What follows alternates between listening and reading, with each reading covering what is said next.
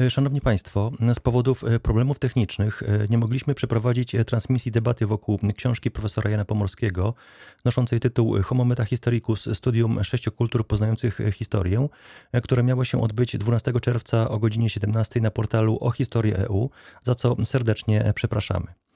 Wszystkie dane z monitoringu e, transmisji na kanale YouTube, e, co pokazuje zamieszczony screenshot, e, wskazywały, że przebiega ona bez zakłóceń. Niestety okazało się, że było inaczej. Sprawdzamy, co było przyczyną problemów i zakłóceń uniemożliwiających transmisję. Na szczęście debatę udało się zarejestrować w formie wideo. Zapraszamy zatem do jej obejrzenia i wysłuchania. E, witam Państwa serdecznie na dzisiejszej debacie, która jest e, kolejnym spotkaniem z cyklu otwartych interdyscyplinarnych seminariów humanistycznych, organizowanych od dwóch lat przez portal o historii EU wraz z ośrodkiem Bramagrodzka Teatr NN. E, przypomnę, że są to spotkania, na których prezentujemy interesujące i wartościowe poznawczo monografie z różnych obszarów historii czy szerzej humanistyki, zawierające nowatorskie podejścia badawcze. E, bohaterem dzisiejszego spotkania jest profesor Jan Pomorski, autor książki noszącej tytuł Homo Metahistoricus Studium sześciu kultur poznających historię, wydanej przez wydawnictwo Uniwersytetu Marii Curie Skłodowskiej w Lublinie w roku 2019. Profesor Jan Pomorski pracuje w Instytucie Historii UMCS w Lublinie. Jest twórcą Lubelskiej Szkoły Metodologii Historii. Był założycielem i wieloletnim kierownikiem Zakładu Metodologii Historii na UMCS. Jest jednym z najwybitniejszych współczesnych polskich metodologów historii, który od kilku dekad zajmuje się badaniem kulturowych fundamentów oraz epistemologicznych i metodologicznych aspektów funkcjonowania nauki historycznej. Do debaty z autorem książki przyjęli zaproszenie znakomici goście. Wybitni metodolodzy historii i historycy historiografii profesor Krzysztof Zamorski z Uniwersytetu Jagiellońskiego, e, profesor Rafał Stobiecki z Uniwersytetu Łódzkiego, natomiast spotkanie poprowadzi pani profesor Maria Solarska z Uniwersytetu Adama Mickiewicza. Witam wszystkich państwa panelistów bardzo serdecznie. Mario, oddaję ci głos. Dziękuję. Ja również wszystkich serdecznie witam. I proponuję, abyśmy zaczęli e, od krótkiego przedstawienia, powiedzenia kilku słów o książce, która jest powodem, pretekstem naszego spotkania książce Jana Pomorskiego Homo Metahistoricus. Jest to książka, która bez wątpienia obfituje w inspirujące wątki, skłania do zastanowienia i zachęca do dyskusji nad proponowanymi ujęciami. Przede wszystkim uznanie budzi sposób przedstawienia poszczególnych bohaterów książki. Jest on realizacją zapowiedzianej na początku koncepcji ale także idei etycznej budowania przestrzeni koegzystencji różnych ujęć ludzkiego świata. Podstawą tej idei jest podjęcie zrozumienia innego od własnego ujęcia, innej perspektywy oglądu. To jedna z zasad sterujących prezentowanymi lekturami. Życzliwa interpretacja nakazująca rekonstrukcję stanowiska poprzez odnalezienie reguł nim zarządzających. Na tej podstawie dopiero budowany jest dialog między własnymi przesądzeniami, także rozpoznawaniem własnych reguł sterujących, a argumentacją innych. To piękna, bez wątpienia, lekcja budowania myślenia cierpiącego z myślenia innych, nawet wtedy, kiedy się z nimi polemizuje. Prezentowane sześć studiów sam autor dzieli na dwie części.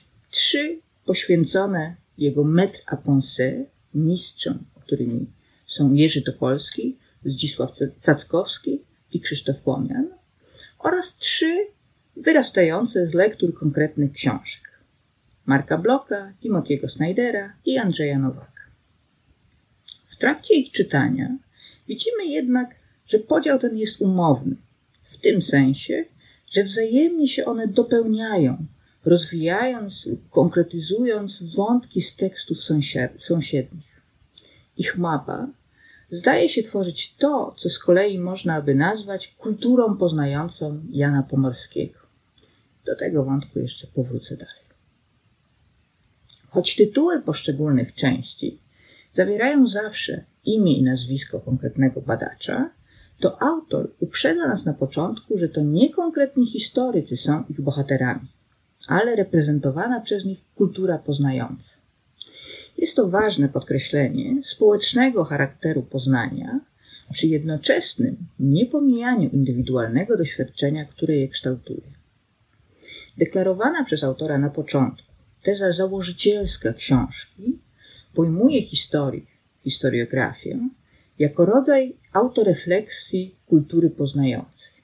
Oznacza to z jednej strony określoną definicję historiografii, rozumianej tu jako zapis poznawczego radzenia sobie współczesnych z przeszłością, a z drugiej podkreślenie oddziaływania historiografii na człowieka czy ludzi, którzy tworzą swoimi działaniami historię w sensie dzieje.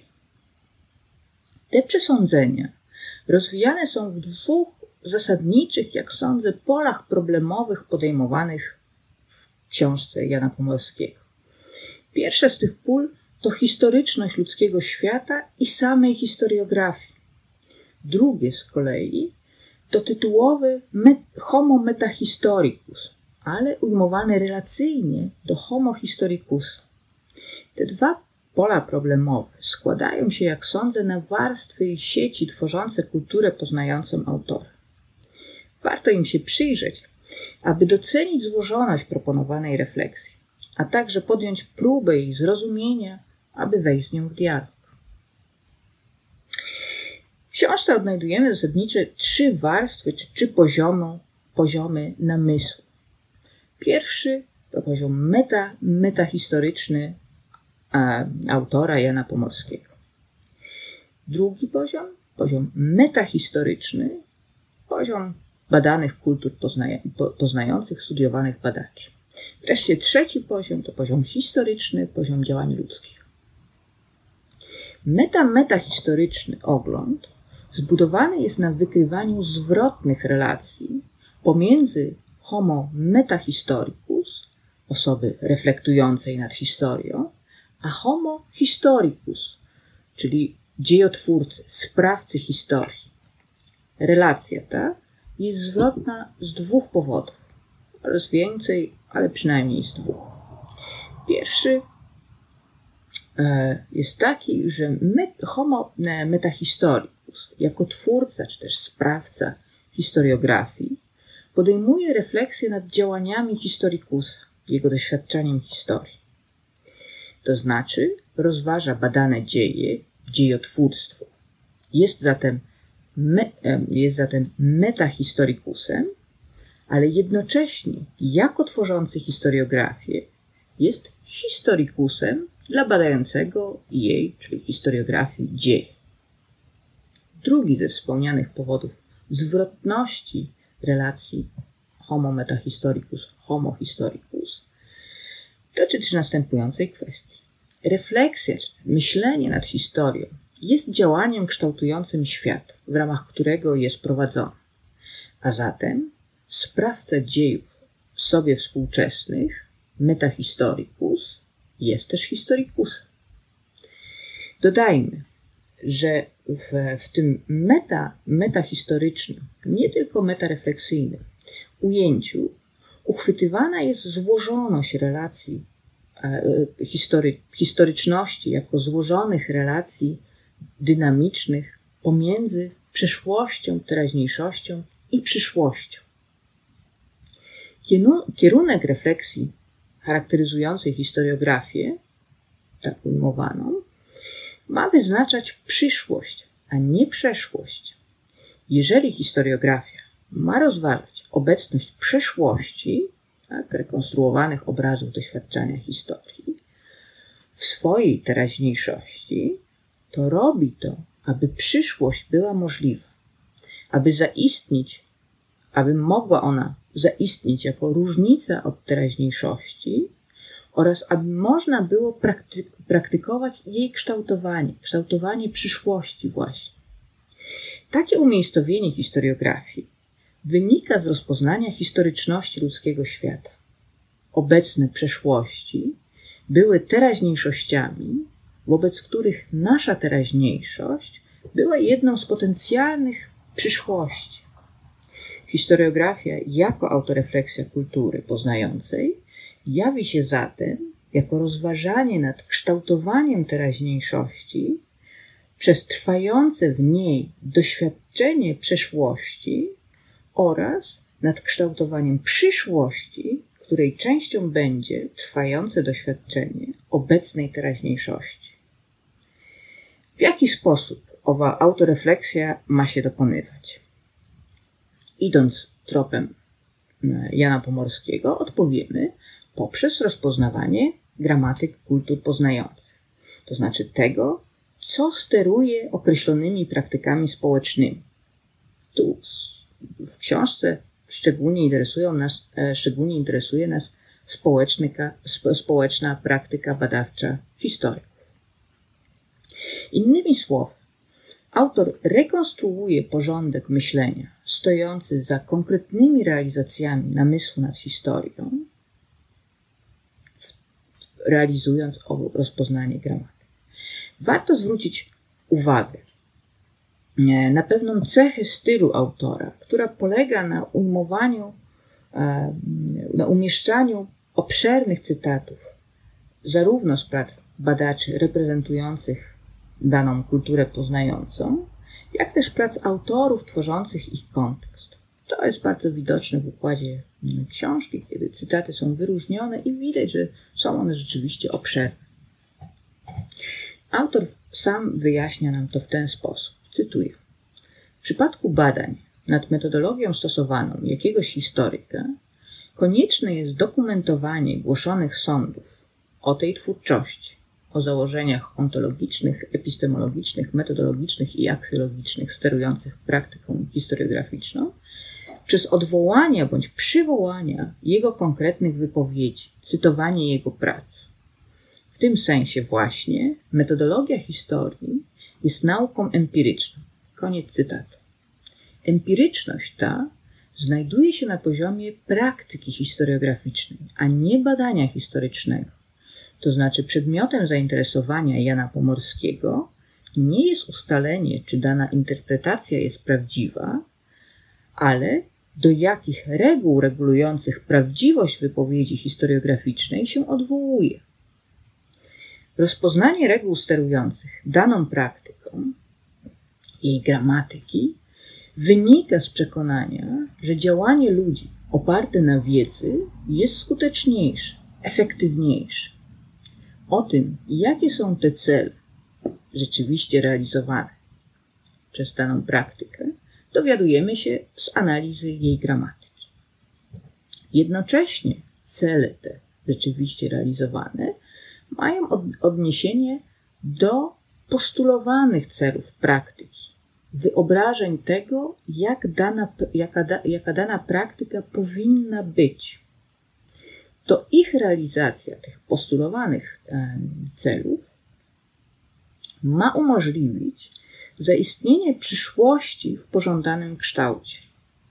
Odnajdujemy to między innymi w pytaniu pojawiającym się w książce wprost na jej końcu, ale też przebiegającym jakby w tle przez właściwie całość pracy, pytanie to brzmi, jakiej historii, w sensie historiografii potrzebują Polacy?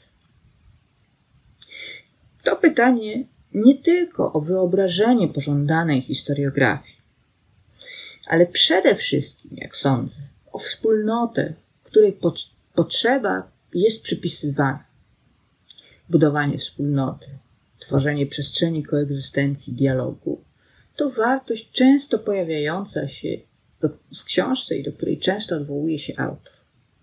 Należy jednak pamiętać, aby zastanowić się, jaka ta wspólnota właśnie ma być, z kogo się składać, kogo wykluczać. Na przykład, kiedy ja czytam to pytanie, niemal zawsze przychodzi mi do głowy podpytanie, o to, czy historia, historiografia, której potrzebują Polki, jest tą samą, której potrzebują Polacy. Czy kiedy mówimy historiografia, której potrzebują Polacy, umieszczamy tam również interesy, zainteresowania, potrzeby Polek. Czy to wspólnotę tę tworzą te dwie grupy, czy tylko jedna. Może profesor Zamorski rozpocznie. No to zacznijmy. Ja myślę, że w szczególności mamy do czynienia z bardzo ciekawym pomysłem metodologicznym. To jest koncept kultury poznającej jako e, czynnika sprawczego historiografii. I tak pojęta historia jest pięknie zdefiniowana w samym wstępie tej książki. Profesor Pomorski bowiem e, pisze, że chce popatrzeć na historię, cytuję, jako rodzaj autorefleksji kultury poznającej, która przemyśliwując samą siebie, odkrywa, uświadamia sobie swoją nie ponadczasowość, ale historyczność, zmienność właśnie. I tym doświadczeniem różnych form obecności i nieobecności przeszłości w teraźniejszości stara się podzielić ze społeczeństwem. Jest to książka, w której autor rozpatruje różne przykłady i analizuje, jak historyk, jako kultura poznająca, jak się zachowuje jako kultura poznająca w sferze czasowości. Ludzką czasowość Widzieć oczywiście musimy w tym napięciu pomiędzy przeszłością a przyszłością. Przy czym, jeśli mielibyśmy Jana koncept e, historyka jako kultury poznającej przełożyć na, e, czy uczasowić, jakby to powiedział Kozelek, to będzie on e, mówił tak, że oto mamy do czynienia z pewną obecną przeszłością, z pewną obecną przeszłością, która jest w naszym umyśle i która jest w jakiś sposób przedstawioną przeszłością. Która jest w jakiś sposób przedstawioną przeszłością. To, ta warstwa zderza się z drugą warstwą, mianowicie mamy i żyjemy w kulturze y, my historycy, w której istnieje pewna teraźniejsza przyszłość.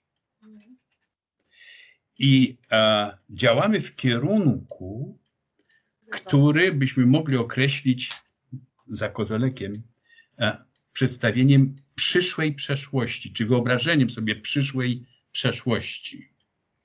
Chcemy sobie bowiem wyobrazić, w jaki sposób można transponować to, co się stało w przeszłości, na przyszłość, czyli zadać sobie pytanie, co się z nami stanie, czy poszukać odpowiedzi na pytanie, co się z nami stanie. W ten sposób dość zawiły, ale myślę dość um, interesujący, przynajmniej dla mnie, próbuję y, uczasowić, czy jakby powiedzieć, o jak, jak odbierałem tą książkę. I jak te poszczególne studia tutaj się pojawiają, bo na te studia Jana Pomorskiego składa się sześć przypadków zupełnie odmiennych. Każdy z nich jest odmienny. W tym sensie książka bardzo zachęca do czytania. Może ja na tym skończę, na tej czasowości. Bardzo dziękuję panu profesorowi Zamorskiemu. A jak widzi tę książkę pan profesor Rafał Stopiecki, nasz znakomity historyk historiografii z Łodzi. Zapewne nieco inaczej e, niż pani profesor Solarska i także nieco odmiennie e, niż pan profesor Zamorski. E, ja przede wszystkim z radością witam tę książkę, która jest dla mnie dowodem pewnej ewolucji myślenia o przeszłości jej autora.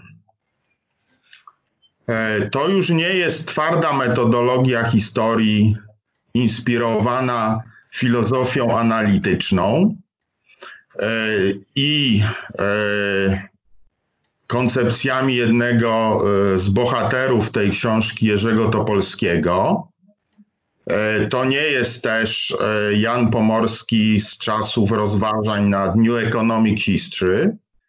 To jest Jan Pomorski, który wkracza na pole historii, historiografii e, i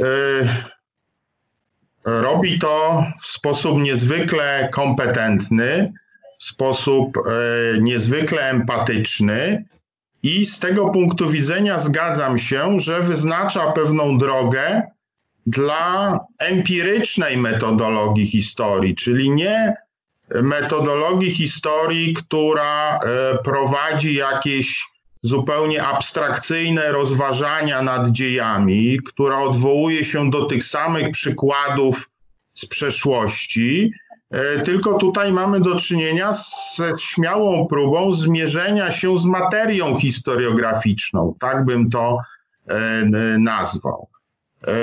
Innym walorem tej książki jest jej różnorodność, bo te teksty, które profesor Pomorski spina tą tezą, że to są rozważania nad różnymi kulturami poznającymi, w gruncie rzeczy są odmienne. Zwróćmy uwagę, że e, to, co pojawia się w dwóch tekstach o Jerzym Topolskim, jest tak naprawdę analizą ewolucji twórczości Jerzego Topolskiego i to tylko i wyłącznie, w, czy przede wszystkim w zakresie e, metodologii historii. Czym Innym e, jest zupełnie tekst o Zdzisławie Cackowski. Tam nie ma analizy koncepcji, natomiast tam jest e, świetnie pokazana na tle epoki biografia intelektualna Zdzisława Cackowskiego. I próba wpisania tej biografii E, w kontekst PRL-u. Taki kontekst nieoczywisty, kontekst, który w, y, obecnie powiedziałbym jest marginalizowany, ponieważ e, w polityce historycznej dobrej zmiany mm, eksponuje się tezę o PRL-u jako sowieckiej okupacji. A Zdzisław Cackowski myślę, że nie miał wrażenia i nie odczuwał tego tak, że żył e, do 80 roku pod sowiecką okupacją, mimo że miał za sobą studia na Uniwersytecie Łomonosowa w Moskwie. Wreszcie e, jeszcze jeden e, walor chciałbym tej książki podnieść, Mianowicie mm, to jest, y, to jest książka, która dużo mówi o kulturze poznającej myślnik profesor Jan Pomorski. Mówi o inspiracjach tej kultury poznającej. I e, gdybym miał w, w naj, krótszej formie powiedzieć coś o tych inspiracjach, to powiedziałbym, że tej książce patronuje duch szkoły Annal. Nie tylko dlatego, że bohaterami jej są między innymi Krzysztof Pomian, ewidentnie dla mnie korzystający z tego dorobku e, annalistów Fewra, Bloka, Brodela, E, ale i nie tylko dla, dlatego, że, e, że e, są tam rozważania o dziwnej klęsce Marka Bloka, ale także dlatego, że jak mi się wydaje, tutaj kultura poznająca myślnik Jan Pomorski odsłania pewne swoje preferencje. I jeśli mogę jeszcze wykorzystać chwilkę. E, mam świadomość, że mówię już dużo dłużej niż mój przedmówca, profesor Zamorski. To chciałbym jako ilustrację e, tej tezy ostatniej zacytować Lucien Fevra, który w jednej ze swoich prac mówi tak. Historia nie gardzi faktami, Gardzić faktami to głupie zdanie nie miałoby dla historyka większego sensu, tak jak gardzić cegłami dla architekta. Ale jak architektura nie polega na cegłach, tak historia na faktach. Nie ma architektury bez projektu architekta, nie ma również historii bez roboczej hipotezy, poczętej i sformułowanej przez historyk. I te słowa Lucien Fevra myślę, że mogłyby być mm, e, pokazane jako motto do rozważań, e, rozważań Jana e, Pomorskiego. Jego nie interesują fakty w historii, albo nie przede wszystkim interesują go fakty. Jego interesują interpretacje tych faktów i stojąca za tymi interpretacjami kultura poznająca. Dziękuję. Czy mogę adwocem? Tak, oczywiście. E, to znaczy, ja bym powiedział tak, że e, nie odczytałbym tej książki jako Jana deklarację przystąpienia do grupy Adenal. E, z całym szacunkiem jest to kultura poznająca sama w sobie. Jana Pomorskiego, tak jak słusznie powiedziałeś. Dlaczego? Dlatego, że Szkoła Annal w zasadzie pozostaje metodologicznie aż praktycznie do trzeciej generacji, może z wyłączeniem ostatnich stero, redaktorów naczelnych pisma, pozostaje w zasadzie zawieszona w klasycznym układzie przeszłość jako przedmiot poznania i odczytanie przeszłości. Y, nawet jeśli ono oczywiście zakłada e, o to, że to poznanie przeszłości musi być oparte o pewien projekt. To jest oczywiste dla nich. Natomiast Jan Pomorski stawia tutaj mm, raczej, myślę, i tak go odbieram, kwestię, że e, to pytanie, które sobie Fewr zadawał, e, on, on wierzył, że poprzez to pytanie historyk jakkolwiek stworzy własną architekturę, to jednak dotrze do pewnej prawdy o przeszłości. Bo będzie zawieszony między przeszłością, a to jest to, co Maria powiedziała. To jest, on, on będzie homo historicusem. Y, znaczy, można powiedzieć tak, Fer będzie y, meta historicusem, natomiast Pomorski jest meta meta historicusem. Bo to, co w tej książce dla mnie było najciekawsze, to jest właśnie to, że Jan staje ponad praktyką historiografii traktuje ją jako, że tak powiem, empirię i bardzo słusznie, bo to jest klasyka historii, bo tak, bo tak, tak poziomu historii historiografii, a, ale ma jakby chęć powiedzenia, że w zasadzie o historii mówimy za pośrednictwem historii historiografii. Widzę w tym rzeczywiście wiele cech e, indywidualnych Jana Pomorskiego, bo przecież kwestia kulturowego zanurzenia historyka czy historii towarzyszy mu od dawna w wielu jego wypowiedziach. Więc w tym sensie powiedziałbym, że widzę to jako autorską, bardzo ciekawą koncepcję z punktu widzenia teorii historii historiografii. Właściwą Janowi Pomorskiemu, tak bym to zobaczył. Mógłbym skomentować? Mogę? Pewnie. Y, otóż, Krzysztofie drogi, y, ja nie zamierzałem zapisywać Jana Pomorskiego do szkoły Annal, y, bo jak obaj wiemy, jest to zupełnie niemożliwe. Powiedziałem tylko, że widać w tej pracy inspirację Annal. Nie I, i ty, ty, tylko ty, tyle. I druga uwaga, nie wydaje mi się, aby Jan Pomorski stawał ponad praktyką historiografii w, w tej pracy, bo to jest w moim przekonaniu zupełnie niemożliwe. E,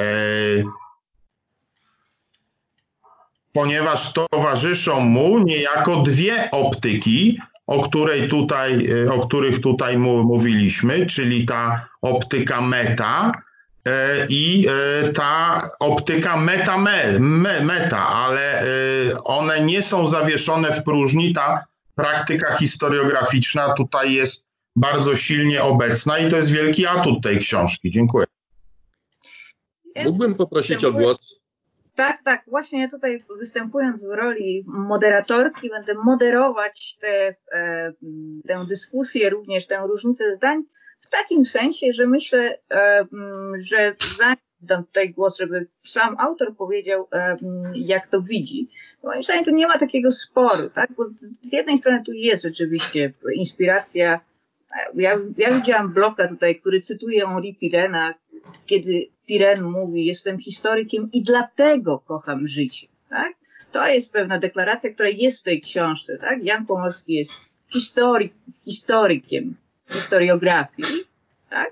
który pokazuje w tej, w tej książce, jak ten historyk historiografii o silnym skrzywieniu metodologicznym, bo te dwie perspektywy tu jest, to jest niezwykle ciekawe, jak one są spojone, tak? Jak ich wyróżnianie jest możliwe analitycznie, a jednocześnie w praktyce, jak nierozerwalne są e, to perspektywy, tak? W praktyce, jak to spojrzenie metodologiczne jest nie, od, nie od, do oderwania od historyka historiografii i na odwrót. I jest właśnie ta e, chęć życia, pokazania życia historii, tak? I życia historyków.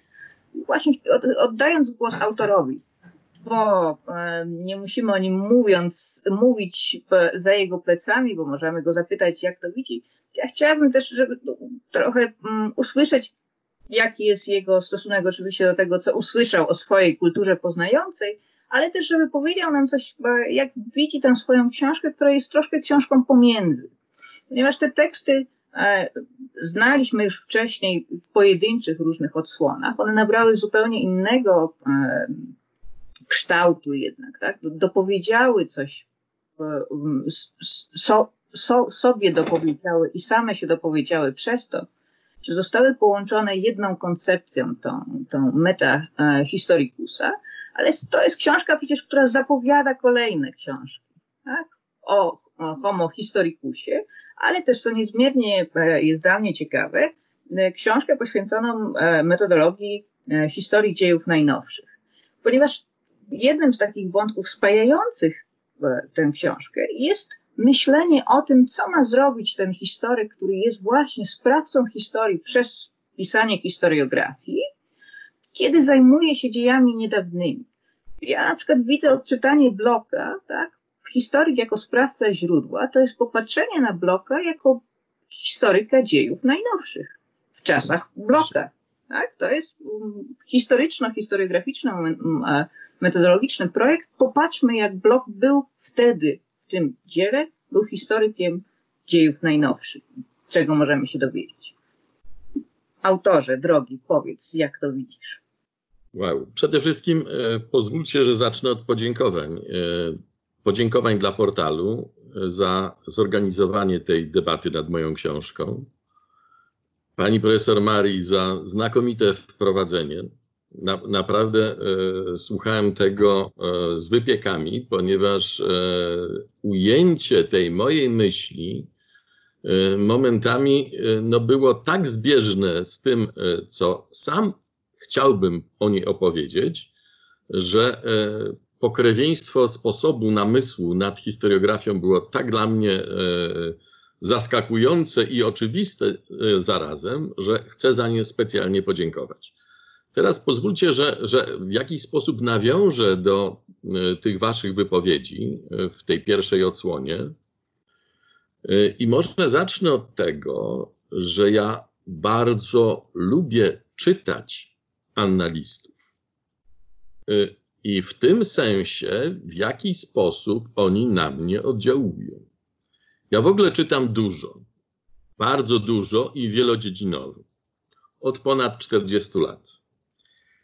Moja strategia czytelnicza ma jednakże wbudowany pewien wewnętrzny mechanizm zabezpieczający pewnego spowolnienia, zatrzymania się wtedy, gdy proste czytanie książki nie wystarcza. Wymaga ono bowiem przejścia na poziom lektury właśnie. I z lektur i ze spotkań e, zrodziła się to dzieło, które nas dzisiaj tutaj e, sprowadziło na ten webinar. Lektura to dla mnie każdorazowo spotkanie z inną kulturą poznającą. Każde takie spotkanie jest szansą na poszerzenie pola doświadczeń, pracą nad rozwojem kultury własnej, a nawet budowaniem siebie na nowo. Michał Paweł Markowski mówił w tym kontekście o polityce wrażliwości humanisty. To, co poddajemy lekturze, wymaga od nas szczególnej wrażliwości i pewnego intelektualnego zaangażowania, a co za tym idzie, podmiotowego potraktowania autora czy autorki. By wydobyć dzieła myśli, które są zaproszeniem do dysputy. Ja staram się tą właśnie zaproszenie do dysputy z tych analizowanych lektur Państwu przedstawić. Pomian nazywa ten stan umysłu przemyśliwaniem. I zarówno to określenie, jak i kryjąca się za nim praktyka są mi bardzo bliskie. Są więc takie książki, które się przemyśliwuje, powraca do nich wielokrotnie.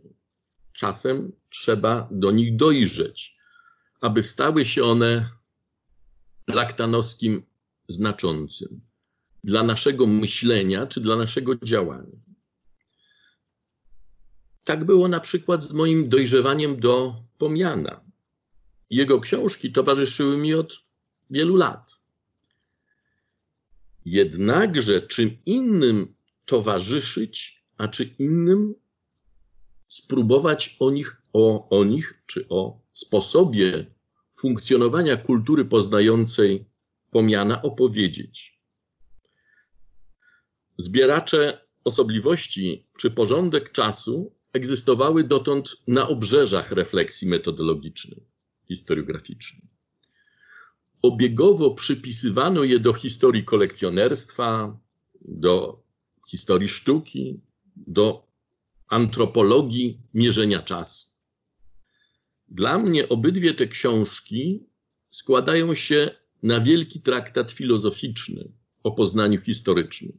Jeden z najważniejszych głosów na ten temat w XX stuleciu.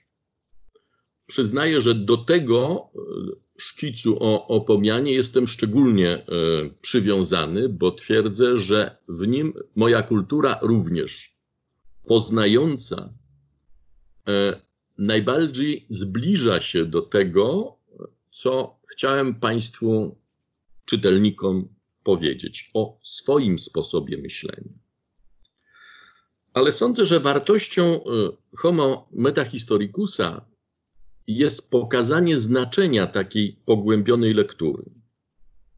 Jest to także mój aktualny, osobisty program uprawiania metodologii historii, czy szerzej teorii historii, teorii historiografii. Tu e, Rafał Stobiecki e, e, ma rację, że jest ta ewolucja w moim sposobie mówienia i myślenia o historii. Ten nowy sposób pozwala utrzymać kontakt, dialog ze środowiskiem historyków, wyjść poza specjalistyczne getto pisania wyłącznie do czy dla swoich. Nawet gdy jest to potrzeba jednostronna, to pisząc warto intencjonalnie zakładać jakąś grę z potencjalnym czytelnikiem, z historykiem właśnie. Zresztą jedyną znaną mi osobą, która programowo takiej gry z czytelnikiem nie potrzebowała, nie zakładała, był jeden z moich mentorów, profesor Jerzy Kmita. On nie potrzebował. Jego język jest tak trudny, że komunikacja pomiędzy jego kulturą poznającą a środowiskiem badaczy była praktycznie zerowa. Ale Kmicie to w niczym nie przeszkadzało. Niewątpliwie ta postawa Kmity zaciążyła nad sposobem uprawiania refleksji metodologicznej nie tylko w ramach szkoły poznańskiej, ale w ogóle w Polsce. E, I także sam uderzam się tu w piersi, y, że pisałem, chociaż wydawało mi się, że w sposób zdecydowanie prostszy, to jednak zakładając, że ten społeczny odbiór będzie odbiorem środowiska sekty metodologicznej, a nie szerszego środowiska historycznego. I y, macie tutaj w pełni rację, że y, homo metahistoricus jest takim otwarciem się, y, otwarciem się na nowy sposób uprawiania i historii historiografii, i metodologii historii. Myślę, że na tyle atrakcyjny, przynajmniej starałem się pokazać również, każdy szkic jest inny oczywiście, ale każdy próbuje zmierzyć się z pewnymi problemami, które są charakterystyczne dla sposobu uprawiania teorii historii, ale w ten sposób, aby to było również atrakcyjne z perspektywy historyka, który zmierza się, zmierza się z pewnymi problemami poznawczymi. Sam zmaga się i dla którego autorefleksja jest sposobem radzenia sobie z tą sytuacją. To tyle na początek, jeśli pozwolicie. Bardzo dziękuję. Nawiązując do, do programu, dialogu i określenia pewnego badania, które ma być użyteczne, tak? bo to jakby zaleta tej, tej nowej metodologii opartej na praktyce, moim zdaniem jest pewna praktyczność. Tak? Znaczy dzięki temu można zobaczyć, jakie są problemy, tak? mieć je jakoś zdiagnozowane i jednocześnie zobaczyć też, jakie są możliwe sposoby ich rozwiązywania. E, a z drugiej strony zastanawiam się nad tym, jakie są szanse powodzenia tego dialogu wobec obecnej naszej sytuacji e, historiograficznej. Również w takim sensie, że w książce samej pojawia się czasami takie pognywające lekkie żalem. Jerzy Topolski proponował nam pewne rozwiązania, no, nie skorzystano z nich. Czy skorzystamy my? To pytanie otwarte. Moje pytanie jest takie, czy jest w ogóle szansa na to, żeby ta e, właśnie też rodzaj no, myślenia historycznego opartego na e, pewnej teorii mm, ma szansę wybrzmieć, tak? Czy, Polacy, że powrócę do tego pytania, które to pewnie będzie nam się przewijać, potrzebują takiej historii i takiej historiografii, która tak się zastanawia nad sobą, potrzebują po prostu spontanicznej i du, duża część, niemała część praktyki historiograficznej odpowiada świetnie na tę potrzebę historii po prostu dodającej otupy, mówiącej o tym, że jesteśmy bohaterscy i dajemy sobie zawsze radę i mamy z czego być dumni. Jakie tu widzą szanse panowie profesorowie na rzeczywiście zaistnienie dialogu, tak, na, na szansę na realizację tej przyszłości, która jest malowana jako na potencjalność tego, że historiografia, która będzie się przemyśliwać, będzie efektywniejsza. Tak? Za, tym, za tym namysłem idzie też pewna koncepcja tego, że dzięki tej refleksji no, historiografia właśnie jakoś efektywniej zrealizuje to, jakiej historiografii potrzebują Polacy. Panie profesorze Rafale Stobiecki, tym razem.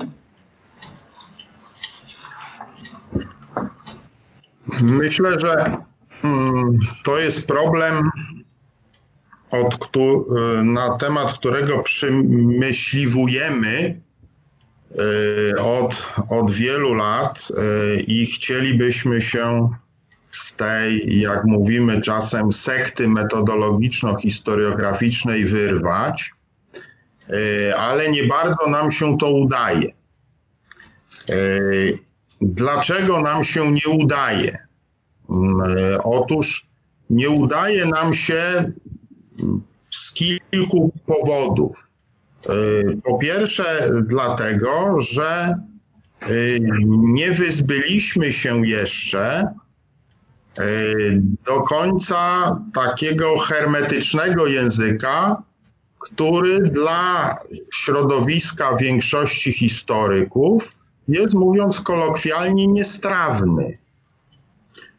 Po drugie, przynajmniej część z nas nie wyzbyła się tego, co nazwałbym pewnym mentorskim tonem, którego tonu, żeby wszystko było jasne, nie dostrzegam w książce Jana Pomorskiego i to jest jej wielki atut, ale e, jednak e, on czasem, czasem pobrzmiewa i nie spotyka się, mówiąc, mówiąc eufemistycznie, z akceptacją środowiska, bo on się źle kojarzy. Z uporem może godnym lepszej sprawy powiem, że no to jest jakaś daleka konsekwencja narzucenia polskiej historiografii modelu marksistowskiego i, i właśnie wielu takich wypowiedzi, w których, w których próbowano historykom odrzucając jak gdyby ideę dialogu, narzucić pewną formułę e, uprawiania e, wiedzy o e, przeszłości. Wreszcie mm, kolejnym powodem jest pogłębiający się w polskiej historiografii i nie tylko w polskiej kult specjalizacji i taka postawa polegająca na tym, że pilnujemy własnego ogródka, strzeżemy go i wara innym od tego ogródka. E, I dla mnie takim klasycznym przykładem, jak to w praktyce wy, wygląda, może być reakcja skądinąd cenionego przeze mnie profesora Andrzeja Nowaka na recenzję Jana Pomorskiego. Tylko proszę nie używaj określenia recenzja. To nie była recenzja. Re, re, recenzja w, w cudzysłowie. Ja pa, pamiętam, Janie, że się za, zastrzegasz, ale myślę, że większość środowiska odebrało to jako recenzję, mimo że nie takie były Twoje intencje. Ja idę trochę tym tropem. Otóż Otóż e, profesor e, Andrzej no, Nowak potraktował e, ten tekst jako wtargnięcie Jana Pomorskiego na pole historii dyplomacji i postanowił Janowi Pomorskiemu udowodnić, że Jan Pomorski na historii dyplomacji się nie zna. Czyli jak gdyby zupełnie nie, nie zrozumiał intencji, która e, kierowała e, Janem e, Pomorskim, że tutaj nie chodziło o rozważanie szczegółowych kwestii związanych z działalnością dyplomacji brytyjskiej wobec Polski w 1920 roku, tylko o pewną gramatykę, która stała za i stoi za pewną wizją przeszłości, której hołduje Andrzej Nowak. Wreszcie mam wrażenie, że duża część historyków po prostu nie rozumie potrzeby uprawiania refleksji metahistorycznej czy metodologicznej. Wydaje im się ona zbędna. To są jakieś wydumki, jakieś mądrzenia się, jakieś zupełnie oderwane od tego, czym oni się na co dzień zajmują, kwestie.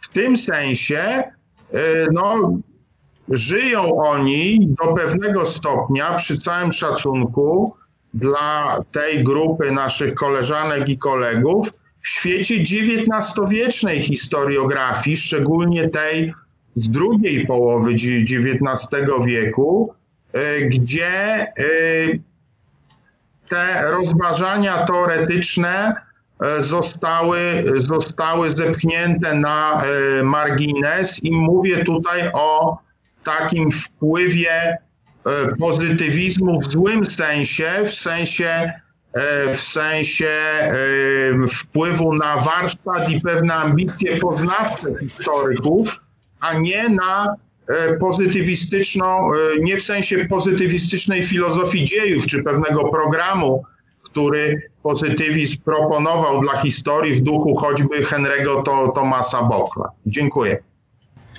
Bardzo dziękuję. To rzeczywiście jest taka interpretacja, z którą najczęściej mamy, chyba się spotykamy, czy taką mamy zadaną, e, że jakby te trudności z dialogiem teoretyków i praktyków, historyków i metodologów no gdzieś są ze względu na język, hermetyczność, nierozumienie poziomów analizy. I to na pewno tak, i ten długi cień konferencji otwockiej z 51 roku pewnie też nad tym ciąży. Natomiast jakby książka Jana Pomorskiego mnie podsunęła trochę inną ta polemika z profesorem Andrzejem Nowakiem również podsunęła mi pewną inną koncepcję, pomysł czy rozwiązanie, które chciałabym tutaj skonsultować. Być może właśnie to nie jest kwestia tylko języka, to nie jest kwestia tylko przywiązania, to, to, to jest właśnie kwestia tego, że to jest pytanie o wspólnotę, że, że stawką tutaj jest geografia, nie jest metodologia sposoby mówienia, tak? Tylko stawką jest wyobrażenie sobie wspólnoty. Te, to jest wyobrażenie sobie wspólnoty, która nie jest zgodna i dużo łatwiej prosi tak jakby niechęć do zastanawiania się nad e, tym, jak piszemy historię, tylko piszemy ją spontanicznie, wynika z pewnego założenia e, tego, że nie wprowadzajmy e, jakiegoś, jakiejś niezgody w ramy wspólnoty, bo ona nam się rozpadnie, tak? Wspólnota, jakoś, jakaś, jakaś społeczność musi być zbudowana wobec, wobec tego, że się zgadzamy ze wszystkim. Tak, mamy problem z tym, żeby poradzić sobie z tym, że ktoś ma inne zdanie, inną wizję. I to, co pokazuje e, i książka Jana, i polemika ta z ostatniego tekstu, moim zdaniem to jest pytanie o granice. Tak? Co jest dopuszczalne, co jeszcze stanowi ową wspólnotę, w tym przypadku wspólnotę badaczy, tak? Jak, złamanie jakich reguł mówi w, ramach tej wspólnoty możemy mieć różne podejścia, różne ujęcia, tak? różne wizje historii. Ale jednak jest granica, która sprawia, że to ujęcie nie może być zakwalifikowane jako naukowe, historyczne, tylko wykracza ze względu na wyobrażenie właśnie wspólnoty i przeszłości tej wspólnoty, wykracza poza ramy dyskursu naukowego. Tak? To jest oczywiście nawiązanie do wcześniejszego tekstu wielokrotnie dyskutowanego Jana Pomorskiego o mitologizacji i polityzacji e, historii. Tak? To jest granica, tak? że w tej wspólnocie dialogu, dyskursu, sporu, tak? którą trzeba sobie wyobrazić inaczej właśnie jako taką wielogłosową wspólnotę badaczy, ale wspólnotę społeczeństwa też, w której możliwe są różne opowieści o przeszłości, tak? musimy też się zastanawiać, jak różne są możliwe te opowieści o przeszłości, aby pozostała to jeszcze jakaś przeszłość wspólna. Tak? Jest gdzieś granica taka, która sprawi, że przyjęcie pewnych opowieści rzeczywiście doprowadzi do rozpadu tej wspólnoty. Myślę, że być może no, częścią tego problemu dyskusji tak, jest nie tyle um, pewna niechęć do reflektowania nad praktyką, którą się wykonuje badawczo, ale nad tym, do czego ta praktyka służy. To jest niechęć do refleksji nad wspólnotą, do której ta praktyka jest skierowana i którą, którą buduje. Panie profesorze e, Krzysztofie Zamorski z Uniwersytetu Jagiellońskiego i Krakowa naszego, bardzo ulubionego, jak pan profesor to widzi? Znaczy, ja myślę, że gdy mówimy o tej wspólnocie, to musimy wyjść od tego, że tak samo jak dzielimy się na brunetów, szatynów, łysych i dobrze uwłosionych, tak samo historycy dzielą się na bibliotekożerców, archiwożerców. Dzielą się na e, wrażliwych teoretycznie i niewrażliwych teoretycznie. I myślę, że musimy sobie przyjąć takie założenie, mówię o teoretykach historii, o historykach historiografii, że nie zawsze jest tak, że historyk niewrażliwy teoretycznie e, może być złym e, fachowcem. E, jest tak, że jest on świetnym fachowcem. Znamy wielu takich. Szewc nie musi być teoretykiem odszycia butów, ale może szyć dobre buty. E, I my musimy sobie też to jakby uświadomić. Zresztą ta książka w pewnym sensie, nie, ona, ona, ona pokazuje nam przykłady. Cała dyskusja z e, Andrzejem Nowakiem, który jest akurat niewrażliwym teoretycznie historykiem, jest dyskusją, która toczy się na różnych poziomach. Rzeczywiście tam był problem taki, że Andrzej potraktował e, Jana jako tego, który chciał wtargnąć na świętą e, ziemię historii dyplomacji.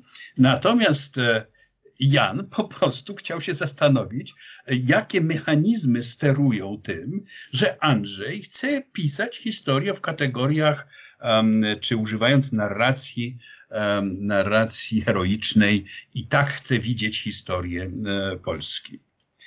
E, powiedziałbym tak, że mm, to akurat jest bardzo dobra część, kiedy można zobaczyć, jak, jak, jak profesor Pomorski dokonuje e, analizy, jakimi drogami, w jaki sposób profesor Nowak patrzy na zdradę Zachodu. Ale też musimy pamiętać, że historyk, który nie lubi teorii historii który nie, nie jest zainteresowany głęboko. Myślę o moim przyjacielu, znanym nam wszystkim, świetnym historyku na nowo, nowoczesności, Marek Kornat na przykład. Marek Kornat całą tą zdradę w takim wywiadzie, który się ukazał, nie wiem czy czytaliście, mm, e, to Marcin Makowski zrobił dla, e, dla WP magazynu z 8 maja, wręcz powiada, że nie, nie ma problemu zdrady, bo on tam będzie pisał wręcz Los Polski rozstrzygnął się wcześniej. Sowieci opanowali nasze terytorium i byli hegemoną. Nawet demonstracyjne zerwanie obrad jałtańskich przez, przez Roosevelta i Churchilla nie dałoby Polakom nic, poza satysfakcją, że nasi sojusznicy zdobyli się na wielki gest. I to jest wszystko cudownie. Ale równocześnie, gdy wejdziemy w sferę a, jego świadomości teoretycznej, to też w tymże samym wywiadzie będzie mówił, że to, co grozi polskiej historiografii, to zwycięstwo historii społecznej dla mnie to był szok zupełny. Jak można wyobrazić sobie jako zagrożenie przyszłości polskiej historiografii zwycięstwo historii społecznej? E, oczywiście e, będzie się bardzo negatywnie opowiadał na temat historii alternatywnej, mówiąc, że to jest, e, że to jest oszustwo. Choć sam wcześniej w myśleniu uprawia klasyczne myślenie oparte o historię alternatywną. Więc można powiedzieć tak, musimy się z tym pogodzić musimy się z tym pogodzić, że w różny sposób historycy myślą i, i w różny sposób e, będą tworzyć wizję przyszłości. Zresztą od razu powiem tak, e, nie powinniśmy też przesadzać, że to specyficzne dla polskiej historiografii. Znam wielu i mam wielu przyjaciół francuskich historyków, którzy na dźwięk słowa annal dostają białej gorączki. Oni wywodzą się wszak ze szkoły historii dyplomacji stworzonej przez Pierre Renouva i uważają, że to jest jedyna historia, jaką należy uprawiać. I to jest właśnie to, do czego powinniśmy zmierzać. Spory o teorię historii są zatem wielką szansą dla nas wszystkich, ponieważ stoimy przed zupełnie innym wymiarem i zupełnie inną odpowiedzialnością, którą ostatnia, e, że tak powiem, zdarzenia, czyli wielka e, pandemia, nam jeszcze bardziej uświadomiła. Mianowicie musimy w jakiś sposób wyjść z tego, co jest fatalne w polskiej historiografii. E, to jest kwestia widzenia lokalnego. To jest kwestia spojrzenia wsobnego na dzieje. I musimy jednak myśleć o tym, by w Polsce zaczęła powstawać historia globalna. By w Polsce zaczęły powstawać prace, które będą nawiązywać do szerszego otwarcia się na problemy współczesnego świata. I gdy y, postawiłaś, Mario, pytanie, jakiej historii Polacy potrzebują, to myślę, że czeka nas w tej chwili duży namysł, jak powiązać mikro i makro, w jaki sposób wejść w dyskusję, która się toczy, by zająć się problemami, przed którymi stoi współczesny świat. W tym sensie e, ta książka daje mi też ciekawy przykład, bo y, mamy tam coś, co mnie osobiście najbardziej odpowiada i co chciałbym, żeby stało się przedmiotem naszej dyskusji a kiedyś w przyszłości, albo może już teraz, mianowicie koncept historii życia. I perspektywa życia jako kluczowego wyznacznika analiz przeszłości. No ale to jest to, co byłoby tym, co mógłbym sobie wyobrazić, czego mógłbym sobie życzyć, jeśli o przyszłość historii chodzi. Dziękuję.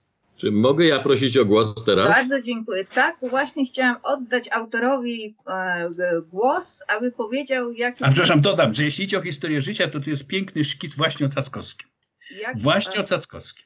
No właśnie, tak, ale w książce Jana jest taki wątek, że jednak to dzięki wiedzy możemy rozwijać się efektywniej, tak? I to stąd, no, czy można rzeczywiście e, pisać historię, historię na miarę tej przyszłości, którą sobie wyobrażamy, my jako wspólnota obywateli, e, na przykład taka wspólnota obywateli e, naszego kraju, tak? Czy możemy pisać tę historię efektywniejszą dla tej przyszłości, kiedy nie zastanawiamy się, nie ustalamy wiedzy dotyczącej tego, jak ją piszemy, kiedy nie poddajemy jej refleksji.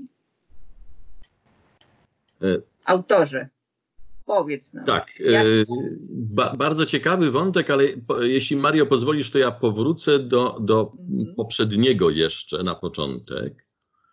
Otóż e, powiedziałbym tak, e, dobrej książce historycznej towarzyszy autorefleksja. Powiem nawet więcej. Autorefleksja jest znakiem rozpoznawczym dobrej książki historycznej. E, I jeśli mówimy o kłopocie komunikacyjnym, to ja mam świadomość tego kłopotu komunikacyjnego pomiędzy środowiskiem teoretyków historii a praktyków historii.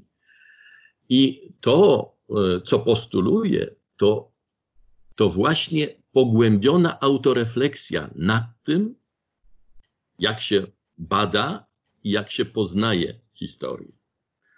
Ostatnimi laty z uwagą przyglądam się teorii i praktyce historiografii dziejów najnowszych. Maria wspominała tutaj, że, że e, mam w tej chwili książkę, którą próbuję skończyć.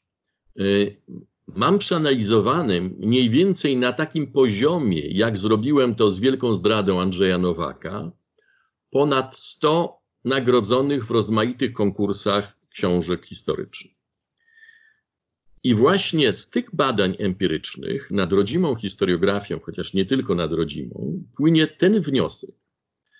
Tam, gdzie jest deficyt autorefleksji, tam nic ważnego, nic odkrywczego nie spotykamy jako czytelnicy.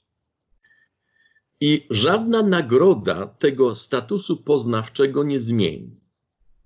I przeciwnie, e, jeśli, e, jeśli e, jest i towarzyszy autorefleksja historykowi, to mamy takie dzieła jak e, Wielka Trwoga Marcina Zaręby czy Nasza wojna Borodzieja i Górnego, które mogą być prawdziwą wizytówką polskiej historiografii. I niezależnie, czy zostaną nagrodzone i zauważone, one rzeczywiście pokazują, czym może być autorefleksja badacza, która towarzyszy mu na poziomie konstruowania swojego przedmiotu badania i przedmiotu poznania. Można też czasem może spotkać los taki, jak spotkał jedną z moim przekonaniem najwybitniejszych książek mm, historycznych ostatniej dekady. Myślę tutaj o bohaterach, hosztaplerach, opisywaczach Dariusza Libionki i Lorenza Weinbauma. Ukazała się w 2011 roku. Znakomity warsztat i metodologia stosowana są tu pokazane wprost w działaniu. I nawet jeśli ktoś w ogóle nie interesuje się sporami historyków wokół żydowskiego związku wojskowego, sam do nich należę, prawda, kompletnie mnie to nie obchodzi poznawczo, to pokazanie jak pracuje tu poznawczo umysł historyczny, a właściwie dwa umysły zespolone w jeden, zmagając się ze źródłowym zapisem doświadczenia historii i przetwarzania tego doświadczenia przez kolejne historiograficzne kultury poznające, bo oni znakomicie pokazują właśnie ten proces, jak kolejne przybliżenia i dyskusje pomiędzy kulturami historiograficznymi, kolejnymi, zmieniają spojrzenie na to, co było przedmiotem badania. Lektura pod tym kątem pracy Libionki Weinbauma dostarcza w moim przekonaniu ogromnej satysfakcji intelektualnej i jest przekonującym dowodem na potęgę historii. Świetnie może ilustrować to, co jest jedną z najważniejszych tez e, Homo historicusem. Mianowicie chodzi mi o tą tezę, że kolejne kultury poznające wznoszą swoje rusztowania poznawcze, po których wspina się historyk, rozbierając czy dekonstruując poprzednie. Umysł historyka jest traktowany jako istota społeczna. I wtedy można dostrzec i zrozumieć świat, w jakim dane jest nam żyć. Wtedy rzeczywiście jest tak, że ta e, teza o historiografii jako, jako autorefleksji kultury pokolenia ma sens. E, Maria zapytała o to, e, czy jest jakaś e, relacja pomiędzy aktualną kondycją historiografii, a i w jakim sensie jest ona emanacją stanu ducha społeczeństwa. Ducha w cudzysłowie. Dominujący nurt historiografii jest adekwatną odpowiedzią na istniejące aktualne zapotrzebowanie społeczne. To jest taka teza. I teraz można sobie postawić pytanie, czy istnieje jakiś związek, jakaś morfogeneza między stanem umysłu Polaków a historiografią, powiedzmy, stanem umysłu e, naszych rodaków, a historiografią firmowaną znakiem IPN-u?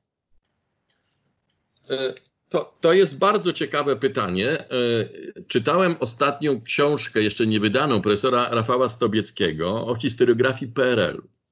I można sobie postawić pytanie, na ile ta historiografia PRL-u ukształtowała myślenie Polaków. Historiografia ma swoje życie po życiu w kulturze umysłowej, i można zapytać, czy w roku 2020 e, mamy coś, co jest efektem e, historiografii PRL-u, a może trzeba byłoby to dookreślić. E, mamy zapis pewnego stanu myślenia dla czasu stalinowskiego. Myślę tutaj o umyśle zniewolonym Miłosza, czy, czy nawet e, trochę później o, o hańbie domowej Cznadla. Ale nie mamy odpowiednika tego w historiografii. Nie doczekaliśmy się takiej pracy. E, mnie oczywiście bardzo interesuje umysł historycznie zniewolony 2.0, to znaczy jak dzisiaj widzimy na zasadzie czasem déjà vu że oto z powrotem odradzają, odradzają się pewne sposoby kalki myślenia, e, za którymi kryje się pewna wizja historii. E, bardzo mnie interesuje e, poznawczo i chciałbym taki umysł niewolony 2.0 napisać i uczynić bohaterami tego niektórych z kolegów, którzy wyraźnie temu zniewoleniu ulegają. Na czym ten fenomen polega? To jest pytanie, które stawiam sobie w kontekście tego, y, gdy próbuję myśleć o kondycji aktualnej polskiej historiografii. Tyle. Czy mogę? Czy ja mogę? Y, Pani profesor? Ja się zgłaszałem też. Aha, dobrze. Znaczy, ja chcę powiedzieć tak, Janie. Tylko jedna rzecz, jedna rzecz, jedna rzecz.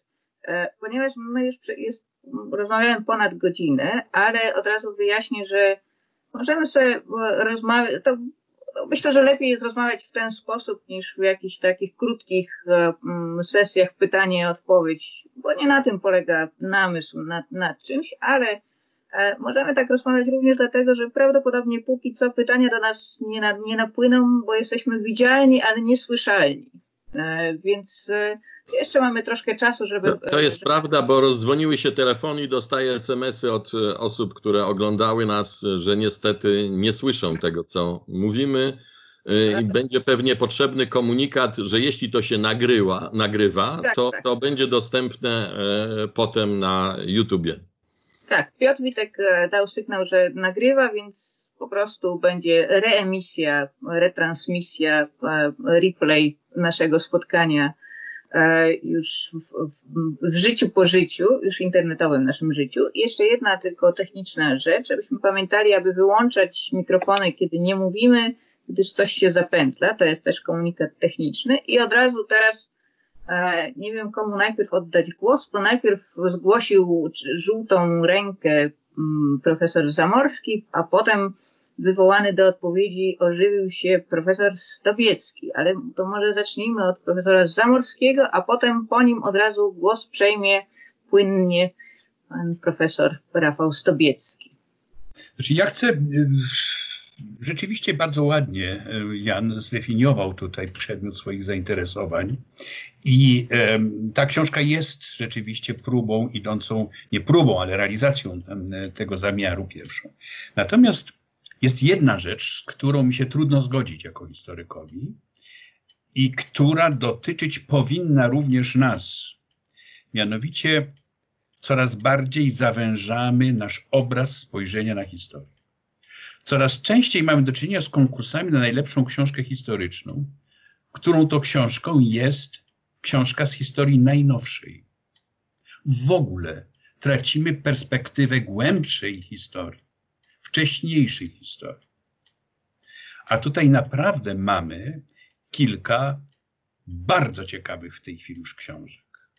Ładnie wyrosłych i pisanych przez młodych uczonych z perspektywy i właśnie z tym, co Jan słusznie powiedział, jeśli masz e, autorefleksję, to tworzysz. A to będzie na przykład kapitalna książka, którą przeczytałem nie tak dawno Mateusza Wyżgi, która dotyczy homo movens, która dotyczy i podważa teorię o nieruchomych, em, z nieruchomej społeczności chłopskiej, społeczności niewolniczej, pokazuje jak to żyło, jak to się ruszało, co tam się działo. Jest kapitalnym przechodzeniem od makro ujęć do mikro ujęć, do prezentacji historii życia. Fantastycznie ciekawie napisana książka. E, No, y, mamy y, na przykład bardzo ciekawą książkę o epidemii w Toruniu, którą wydała ostatnio pani doktor Falkowska. Kapitalna. To jest przetworzony jej doktorat, ale to jest książka, która jest pełna odniesień literaturowych, z dużym oddechem napisana. Więc myślę sobie, że mówiąc o stanie naszej historiografii, musimy widzieć te próby młodych ludzi, które są naprawdę świetnie ustawione i wyjść poza historię najnowszą z całym szacunkiem do tego, co Jan robi, bo rzeczywiście ta historia najnowsza, czy tego chcemy, czy nie chcemy, tak jak historycy dzielą się na e, e, wrażliwych teoretycznie i niewrażliwych teoretycznie, dzielą się również na najnowsików, e, nowożytników i średniowieczników oraz starożytników. Dzięki.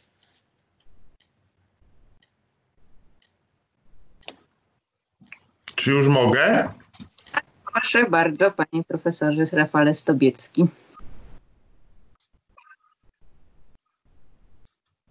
E, Solidaryzując się w dużym stopniu do tego pytania, które postawiła e, pani profesor Solarska, a które e, tutaj chyba gdzieś nam troszkę uciekło. Mm, Ja je rozumiem w taki sposób, e, co ma być granicą, której nie wolno przekroczyć, żeby dalej być częścią wspólnoty historyków. I ono gdzieś pobrzmiewa w tych y, wypowiedziach y, Jana i w książce samej. Natomiast ja bym próbując na to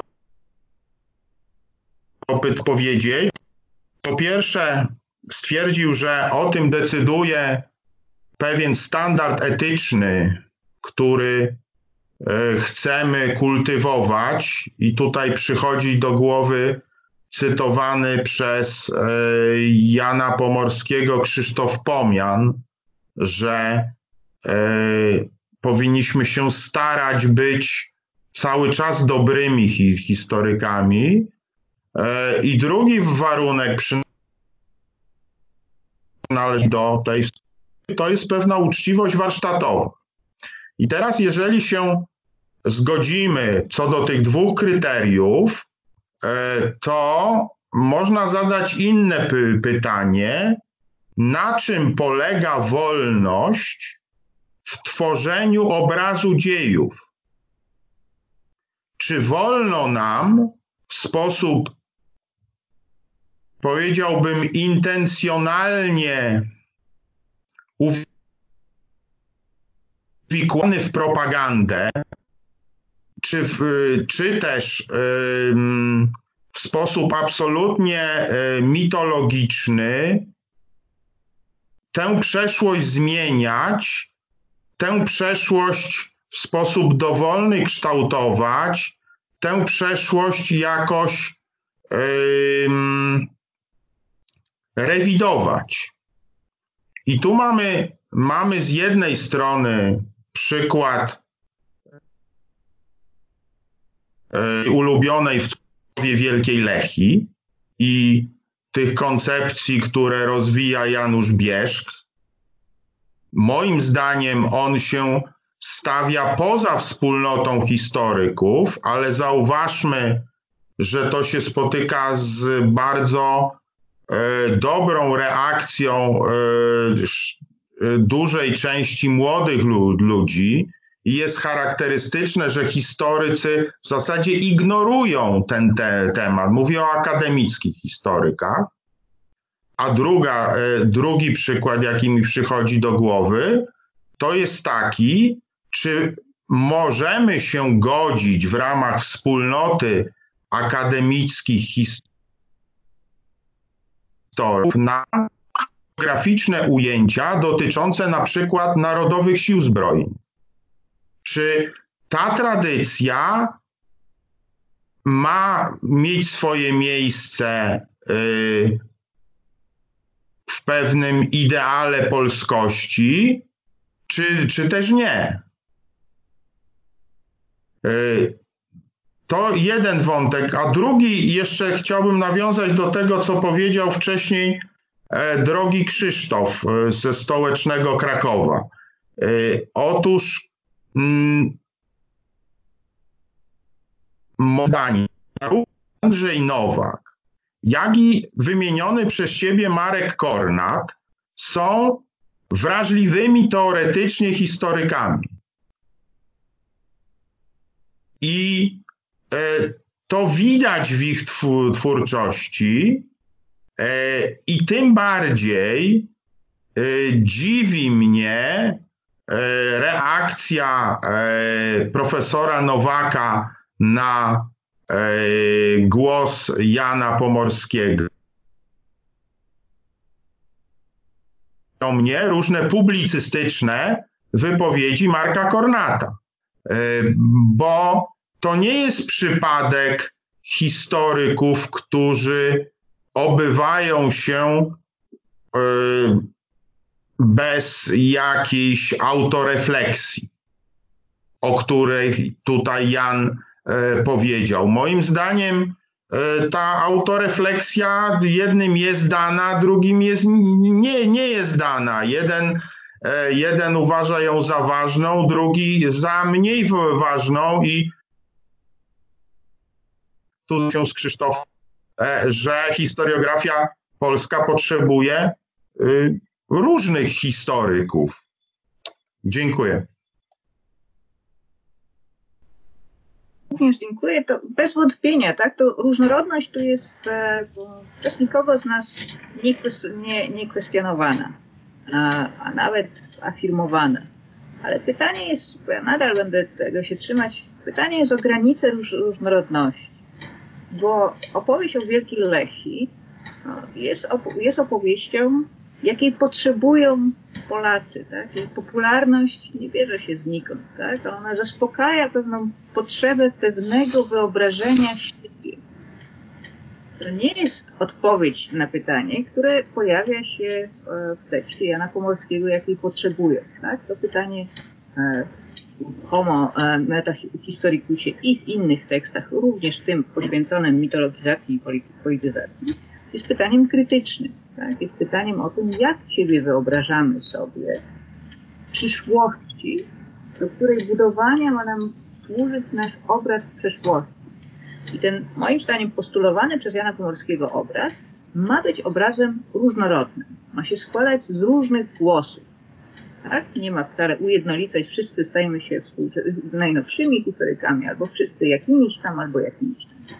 Nie, ta różnorodność ma być podtrzymana ale jednocześnie niezwykle ważne wydaje się tam pytanie o granice tej e, różnorodności oraz o kryteria, które regulują tą e, różnorodność. I te kryteria są niezwykle ważne. Ich ustalenie jest niemożliwe bez pracy teoretycznej. Tak? Bez pracy teoretycznej nie wiemy dlaczego no, ignorujemy opowieści o Wielkiej Lekcji, dlatego że one nie są utrzymane w dyskursie naukowym. Nie opowiadają nie wypowiadają prawdy o naszej teraźniejszości, której elementem jest przeszłość. Tak?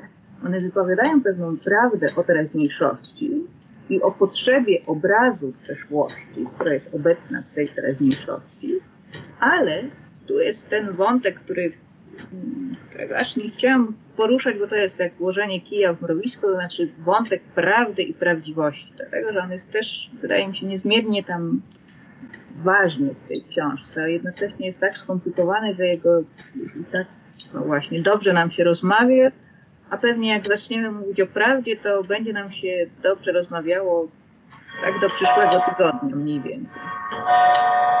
Natomiast to pytanie o to granice rodności, tak, którą Jan ustawia, tak, pewne reguły poznania, to o czym mówił E, Rafał Sobiecki, że tak warsztat wyznacza na przykład granice różnorodności, tak? tego, co dopuszczamy w tym wielogłosie, a to już eliminujemy jako fałszywe tony w tym chórze.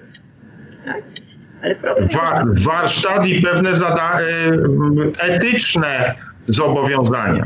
Tak, bo ten warsztat nie jest celem samym w sobie, tak? On ma służyć temu, aby ta opowieść była prawidłowo skonstruowana, realizowała pewien etyczny cel, który ma poznanie historyczne. Ale mamy pewien problem taki, no, którego szybciej, który no właśnie jakoś tak opowieść o Wielkiej Lechii, może też czy, czy o, o siłach zbrojnych e, tutaj inicjował, kiedy opowieści są sprzeczne.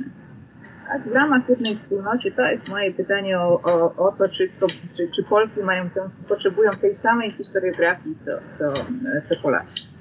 Chodzi mi o to po prostu, że z praktyki również e, e, tych tworzonych narracji historycznych o historii Pol Polski oraz o, o, w ramach nurtu historiografii, który nazywa się Historia Kobiet, widzimy, że ta perspektywa oglądu historii, ta opowieść historyczna no, jest w pewnym konflikcie z zastaną wizją historii.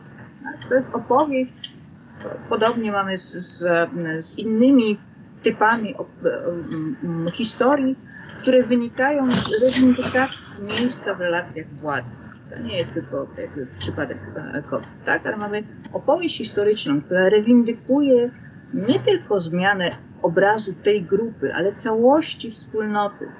Tak? I teraz jak pogodzić te głosy, które są sprzeczne? Tak? Jeden obraz, który mówi, wszystko jest w porządku, nie ma zniewolenia, i drugi obraz, który wyrasta z tej samej wspólnoty, tak, jest częścią tej, tej, tej grupy, który mówi, to co nazywacie porządkiem i mm, równością, jest zniewolenie. Jak wyobrażać sobie tę wspólnotę, w której funkcjonują dwa takie dyskursy, tak? jak one ma, miałyby być do pogodzenia. Czy rozwiązanie tylko wykluczenie któregoś, tak? na przykład powiedzenie, ten dotychczasowa opowieść okazuje się, jest tutaj rewindykowana jako fałszywa. Odrzucamy ją, przyjmujemy tę opowieść, która rewindykuje swoje prawo do prawdy, tak? czy też odrzucamy tę rewindykującą opowieść i zostawiamy istniejącą. Czy możliwy jest dialog między e, opowieściami grup, które są w innych miejscach relacji władzy, a więc wizje przeszłości, wizje teraźniejszości również będą sprzeczne. Autorzy. Ba bardzo chętnie e, spróbuję zmierzyć się z tymi e, problemami, które e, Mario postawiłeś. One w jakimś sensie również pojawiają się w poszczególnych tekstach, bo w ramach rozważań, które tu są prowadzone, próbuję pokazać człowieka w sytuacjach decyzyjnych bardzo często e, e, w sytuacji decyzyjnej e, muszę zmierzyć się z pewnym obciążeniem przeszłości. Ta przeszłość, pamiętajmy, jak to ujmuje znakomicie Pomian, może albo być elementem czynnym w teraźniejszości, działać, albo być tylko pewnym balastem, obciążeniem albo nieistotnym w ogóle e, elementem. Te kategorie abrazji i sedymentacji, one pokazują również zależność pomiędzy homo historicusem i homo metahistoricusem. Wejście na poziom e, metahistoricusa e, może oznaczać wypracowanie skuteczniejszych sposobów osiągania określonych celów.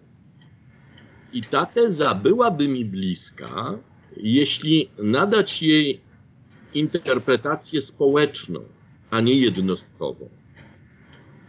Oraz zdefiniować, co to znaczy dobro wspólne.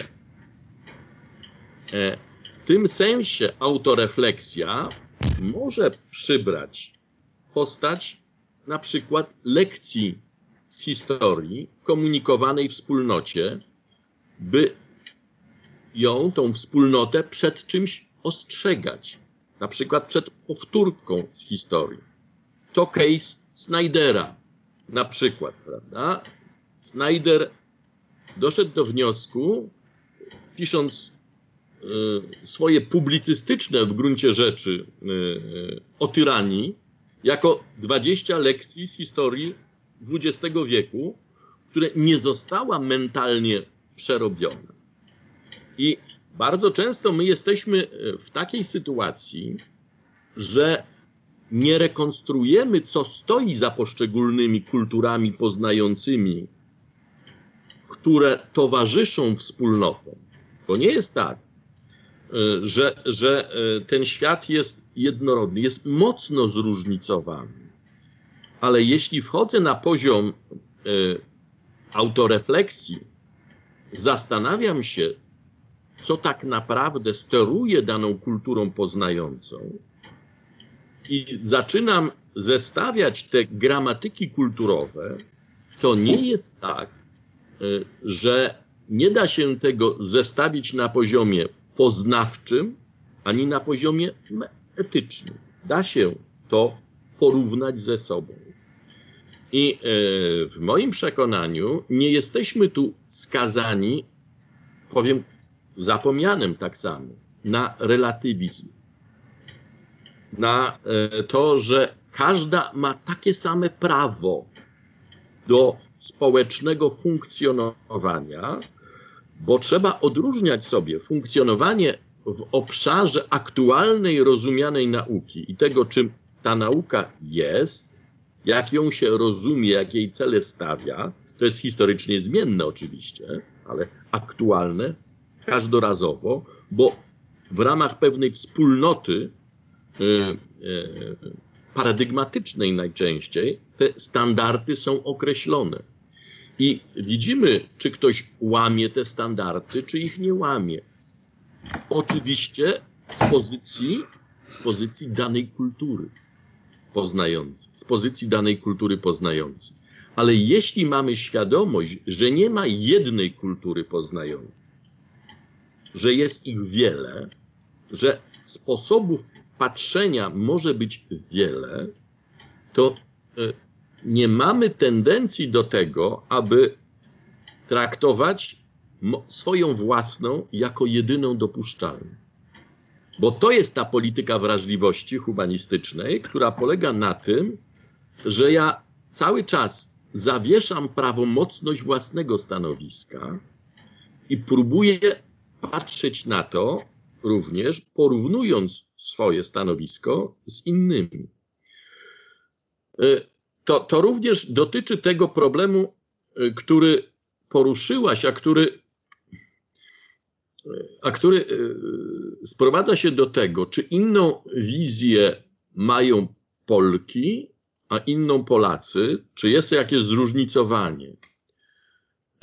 W odniesieniu do płci zastanawia mnie nie tyle, czy ona sama może być rozpatrywana jako kultura poznająca, ale raczej jaką rolę płeć odgrywa w całości kultury poznającej. E, bliższym jest pytanie, problem, na ile płeć może wyostrzać, modyfikować, a czasem deformować perspektywę poznawczą. Przy czym musimy tutaj odróżnić płeć biologiczną od kulturowego gender. Ja bym inaczej postawił pytanie: czy nasz umysł ma płeć? Czy nasz umysł ma płeć? I w tym momencie oddaję głos innym. Bardzo dziękuję. I teraz jesteśmy w takim momencie mm, naszego spotkania, w którym dyskutujemy sobie swobodnie, gdyż jak mówiłam, nikt nas nie zapyta o nic, w związku z czym nie musimy skracać naszej wypowiedzi, aby zostawić czas na pytania. Jednocześnie zapewne e, dobrze wyznaczyć sobie ramy dla później oglądających, żeby nie oglądali wielogodzinnego posiedzenia plenum e, i przemawiania Fidela Castro przez 8 godzin z rzędu w naszym wydaniu. No, nie na tę miarę, ale jednak. E, jesteśmy w takim momencie, w którym z jednej strony możemy zamknąć takim mm, optymistycznym podsumowaniem autora, tak? Bo z jednej strony ta wypowiedź mm, e, wydaje mi się ma wielki walor pozytyw, dużego pozytywnego przesłania, takiego podsumowującego naszą rozmowę, a z drugiej strony otwiera nam kolejne pole dyskusji na co najmniej jeszcze tak z dobre 40 minut. E, I tę, te, tej decyzji nie chciałabym podejmować sama, bo mam do niej takie samo e, pewnie uprawnienie jak wszyscy uczestnicy, a może szczególne uprawnienie ma do tego mm, Piotr Witek, który może nam da sygnał, e, czy mamy już ją kończyć, czy, czy jeszcze mamy rozmawiać przez. To ja też, jeśli po, po, po, pozwolicie, wydaje mi się, że jednak wytrzymałość e, jest e, ograniczona. Nawet jeśli ktoś sobie będzie to dalej dzielił na jakieś tam fragmenty, to co, co byśmy tak, co byśmy nie powiedzieli, dy, dyskutujemy e, już półtorej prawie godziny na pewno. E, więc e, wydaje mi się, że pora na pewne e, podsumowania i być może jeszcze takie końcowe wypowiedzi wasze. Ja, ja, ja chciałbym jeszcze najwyżej was posłuchać, a uważam, że ja już powiedziałam i tak za dużo. Tak, ja, znaczy, ja tutaj myślę podobnie, tak, że mm, mm, jest, trwa nasze spotkanie już ponad półtorej godziny to można powiedzieć, że to jest już długi odcinek pilot, pilotowy, mm, taki pilot tego pierwszego sezonu, ponieważ myślę, że to, te mm, kwestie, które tu zostały poruszone, one właściwie dają nam materiał na przynajmniej kilka odcinków jeszcze w tym sezonie. E, e więc no, też się przychylam do pewnego dążenia, do podsumowania tego naszego spotkania. Dla mnie niezwykle e, ciekawego właśnie ze względu na no, niekonkluzywność tak naprawdę, tak? Ta, ta, ta nasza dyskusja bardziej otwiera kolejne drzwi niż zamyka któreś. Jak panowie profesorowie z Łodzi i Krakowa podsumowaliby tę naszą rozmowę? Panie profesorze Rafale Stobiecki. A, to tym razem ja zostałem wywołany Tak. do wypowiedzi pierwszy. To jest zupełne zaskoczenie dla mnie. E, Nie wiem, jak, jak profesor ze stołecznego na to. E, Ja przychylam się do tych wniosków, e, że powinniśmy kończyć, ponieważ musimy zadbać także o kondycję psychiczną potencjalnych słuchaczy i oglądaczy tego e, odcinka, e, tego pilota, jak to na, nazwałaś, e, Mario. I ja mam wrażenie, że półtorej godziny to i tak jest za, za dużo. To i tak, tak jest za, za dużo. Natomiast e, jak miałbym tę dyskusję, jak sumowywać, e, to bym, e, to bym powiedział e, e, króciutko. E, Po pierwsze, e, jeszcze raz e, chciałbym e, pogratulować Janowi Pomorskiemu tej książki. E, W takim pozytywnym znaczeniu mu jej zazdroszczę. Mu jej zazdroszczę. E, Po drugie, e, uważam, że to jest książka ważna nie tylko dla naszej sekty, ale to jest książka, e, którą powinni przeczytać e, inni przedstawiciele e, humanistyki, a także jakby to powiedział Wojciech Wrzosek, inni bliźni w profesji. Czy ze szczególnym uwzględnieniem historyków dziejów na, najnowszych. Czy to zrobią, to już e, nie zależy od nas e, i myślę, że, e, że możemy tę książkę jakąś tam promować, po, polecać, ale prze, przecież nie mamy mocy sprawczej, żeby posadzić ich przy biurku e, i, e, i zmusić do, do czytania 50 stron Pomorskiego dziennie. A e, na koniec chciałbym się odnieść jeszcze do e, tego e, problemu, który Marysiu poruszyłaś na sam koniec.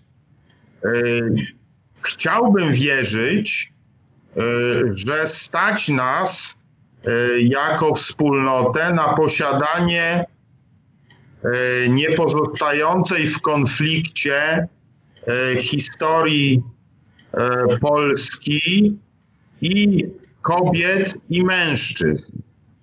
E, Ale tutaj e, myślę, że wiele e, zależy od dobrej woli ob- obu stron, bo zarówno po jednej, jak i po drugiej stronie są środowiska radykalne. E, I dwa przykłady dla części naszych kolegów, o czym niedawno miałem okazję się przekonać. Samo słowo historyczka jest słowem heretyckim, słowem, którego nie akceptują, które e, nie mieści się w ich słowniku rozmowy o przeszłości.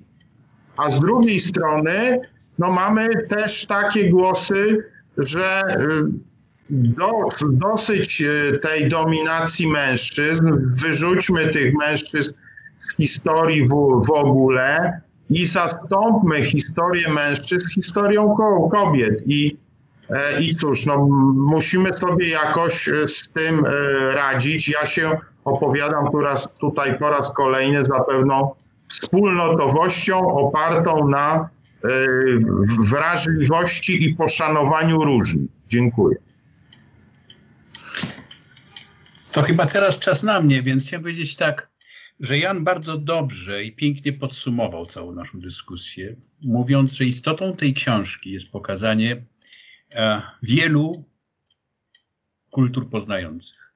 Rozwój historiografii opiera się na wielu kulturach poznających.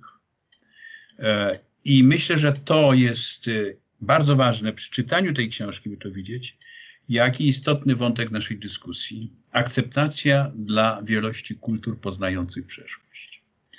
Drugim bardzo ciekawym wątkiem, którego nie rozwinęliśmy, to jest wątek płci w historiografii. Moją mistrzynią była kobieta. I uwierzcie mi, nie widzę różnic na poziomie profesjonalnym w myśleniu o przeszłości kobiety i mężczyzny.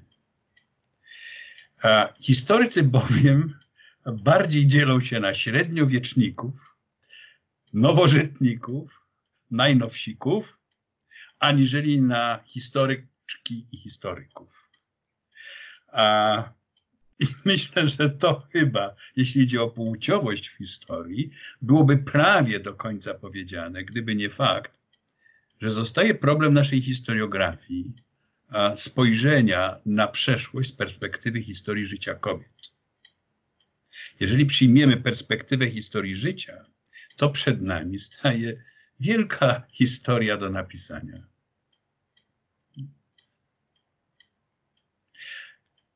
Bardzo Więc dziękuję. historyku z miasta Łodzi, dziękuję za szacunek dla stołecznego królewskiego miasta. Choć wiem, że tam jest też troszeczkę złośliwości zawsze. Chodzi głównie o ten okres, gdy byliśmy stolicą. Już dawno o tym zapomniałem, drogi Krzysztofie. Ja tutaj nie widzę Słuchajcie. żadnych e, możliwości. Jest to po, połączenie ponadregionalne z różnych krańców e, Polski, pokazujące właśnie zgodność różnorodności, tak? albo no, wymianę czasami niezgodności, ale w duchu właśnie pewnej wspólnotowości. Ależ Mario, Jan wie i wszyscy wiedzą, że szacunek nasz dla miasta Łodzi i stołecznego królewskiego miasta Krakowa jest ponad podziały regionalne. I pięknego Lublina i porządnego I wspaniałego Poznania. Słuchajcie, ja chciałbym Wam bardzo, bardzo e, serdecznie podziękować za to, że przyjęliście zaproszenie Piotra. Piotrze, ja wiem, że dzisiaj przeżywasz stres ogromny i, i bardzo wspieram Cię, y, jak zawsze, bo, bo wiem, że to jest wyzwanie technologiczne i zawsze ta technologia w pewnych momentach nam y, nawala, ale ja myślę, że i tak dokonałeś ogromnej, ogromnej, wspaniałej pracy to, że udało Ci się zaprosić e, znakomitych koleżankę i kolegów do tego, że, że mogliśmy wymienić się tutaj naszymi myślami i tego współ, e, współmyślenia, które e, jest tak ważne, a którego było tak dużo w tych naszych wypowiedziach, to, to jest chyba najciekawszy owoc tego spotkania, przynajmniej dla mnie. Jeszcze raz Wam serdecznie, serdecznie dziękuję i mam nadzieję, że będziemy to kontynuować. Również webinary, ale tęsknię, nie, nie ukrywam e, za tym, e, żeby teraz z wami pójść na piwo, na dobre wino. No i tego nam będzie brak, prawda? Ale mam nadzieję, że to nadrobimy przy najbliższych okazjach. Serdecznie jeszcze raz dziękuję, pozdrawiam Piotrze z wielką wdzięcznością dla Twoich starań. Szanowni Państwo, z tym, e, mm, z tą tęsknotą i z tym, że mamy nadzieję oczywiście, że mm, nasz pilot wywoła zainteresowanie całym sezonem i nasz reżyser nakręci kolejne odcinki z nami, ale liczymy też na to, że ta występujący będą mieli okazję spotkać się też w, fizycznie po prostu i porozmawiać. A oczywiście wszystkim oglądającym bardzo jesteśmy wdzięczni za cierpliwość i wytrwałość. Piotrze, oddaję Ci głos do studia. E, szanowni Państwo, e, dziękuję serdecznie e, za przyjęcie zaproszenia, za taką świetną rozmowę. Naprawdę no jest mi tym bardziej przykro, że nie mogliśmy jej nadać na żywo. No taka informacja, która jest w całej tej sytuacji pocieszająca, że było około 200 osób chętnych do obejrzenia tego. Naprawdę. I no, technologia nas po prostu pokonała. Znaczy mnie pokonała w tym, w tym kontekście. Ja ćwiczyłem to naprawdę kilkadziesiąt razy i, i nie mam pojęcia, co się stało. Naprawdę nie wiem. Po prostu nie wiem. Muszę to jeszcze raz y, spróbować jakoś prze, prze, przemyśleć i, i, i, i zobaczyć, co No się mogło niestety, stać. Piotrze, Teamsy, jak, Tak. gdyby to było kilkadziesiąt osób, pewnie nie byłoby kłopotu. Jak się okazało, że no, ku naszemu zaskoczeniu e, zapewne tylu było chętnych, to po prostu w tym momencie Teamsy się rozwalają. Ja to mam czasem na zajęciach.